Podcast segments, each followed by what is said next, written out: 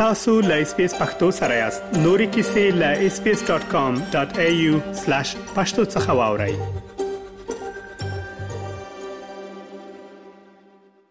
د اسپیس رادیو د پښتو خبرونه محترم اوریدونکو وخت مو په خیر رحیم الدین وړیا خیل یم له افغانستانه تاسو ته د افغانستان او سیمې د تیر یوې ونې مهمه پیښه وړاندې کوم هیله ده چې تر پای مې ملتیا وکوي د ملګرو ملتونو امنیت شورا د بندیزونو د څارنې او څېړنې کمیټې یو نوی راپور وښوده چې په افغانستان کې واکمنو طالبانو د القاعده په ګډون له ځینې ترهګرو ډلو سره اړیکې نه دي پرې کړي دغه راپور چې د جون په 15 مخ خپور شوی و پکې راغلی ول طالبانو د دوه هوکړې لمخې له ترهګرۍ سره د مبارزې په برخه کې د تړون کې کړې ژمنې نه دي عملي کړي او له همدې امله په افغانستان او سیمه کې د ترهګرۍ ګواښ مخ په زیاتېدو دی د امنیت شورا په دې راپور کې راغلي ول داسې نښې نښانې شته چې ښایي القاعده خپل عملیاتي وړتیا بیا رغوي تحریک طالبان پاکستان یا ټي ټي پي د افغان طالبانو په ملاتړ په پاکستان کې د افغان طالبانو په ملاتړ په پاکستان کې بریدونه کوي بهرنیو ترهګرو ډلو د افغانستان په پوله کې ګواښ رامنځته کړی دی او ترڅنګ یې د داعش ډلې بریدونه پیچل شوي دي په راپور کې ادعا شوې وه چې د ملا هیبت الله په مشرۍ د طالبانو اوسنی رژیم د نولس سوه نوي لسیزې په څېر استبدادي، پښتون محوره او حنفي سیاست ته مخه کړې ده. د ملګرو ملتونو امنیت شورا په دې راپور کې د طالبانو ترمنځ اختلافاتو ته هم اشاره شوې وه او راغلي ول چې ورځ تر بلې د طالبانو د مشر واک په ډېرېدو دی. په دې راپور کې له نشه يي توکو سره د مبارزې اړوند راغلي ول چې د طالبانو یو شمېر مشران د کوکنارو په کښت او قاچاق کې لاس لري. طالبانو بیا د ملګرو ملتونو امنیت شورا د بندیزونو د څارنې او څېړنې کمېټې دغه راپور یو اړخیزه او نامتوازنه په ګوته کړ. طالبانو وویل، دا ډول راپورونه له تعصب ډک دي چې د استقلال او د نه لاسوهنې له اصولو سره په ټکر کې دي. دا لومړی ځل نه ده چې په افغانستان کې واکمن طالبان د القاعده په ګډون له ځینو ترهګرو ډلو سره د اړیکو په لرلو تورن کېږي. تر دې وړاندې هم دا ډول راپورونه نشر شوي کوم چې طالبانو بیا تل رد کړي.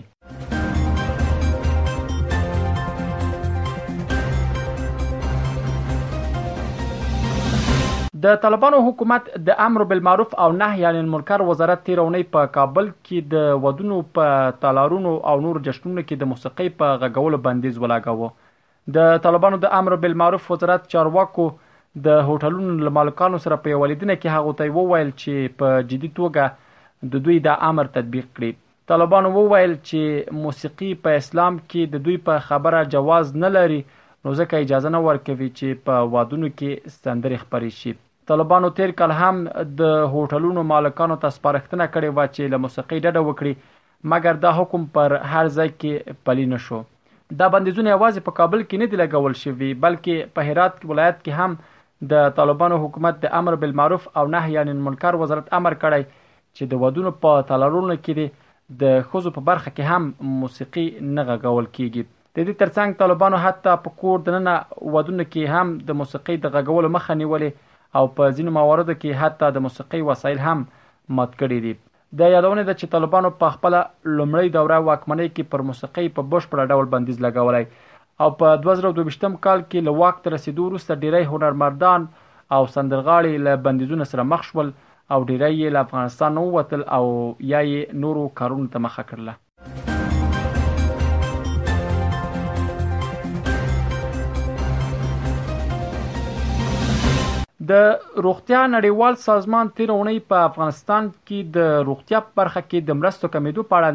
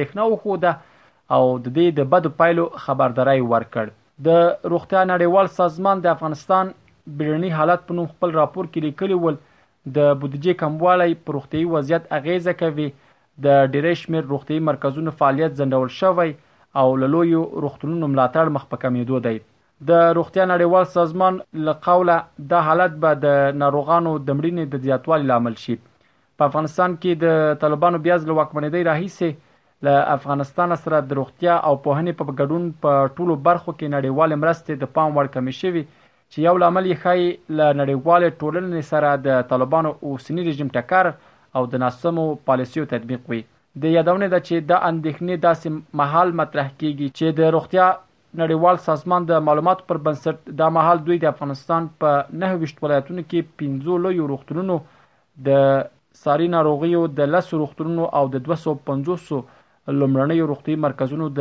چلولو لپاره لګښت برابروي، خو اړتیا ده چې د دې خدماتو د دوام لپاره د مرسته کوونکو مالي ملاتړ دوام وکړي.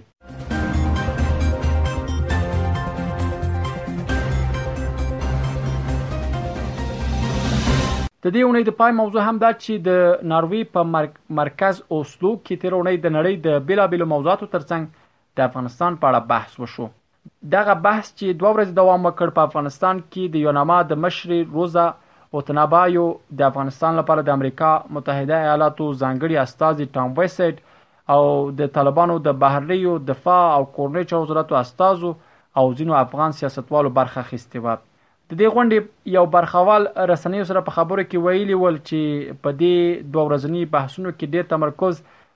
د جدي بین الافغاني مذاکراتو په پیلېدو و چې پکې د طالبانو له لوري پرېکړه کوونکي کسان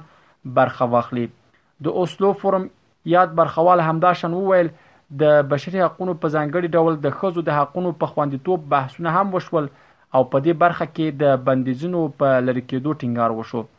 دغه کس ویلي ول چې په دې ناسته کې ټولو لوریو یوازې خپل نظرونه شریک کړل او کومې پرېکړې ونه شوې. هغه ویلي ول چې د طالبانو پلاوي له لوري هم ورته وویل شول چې ځینې پریکړې یې په مشرانو پورې تړلې دي. د دې ترڅنګ د ناروې د بهرنیو چارو وزیرې بیا رویټرز خبري اژانس سره په خبرو کې وویل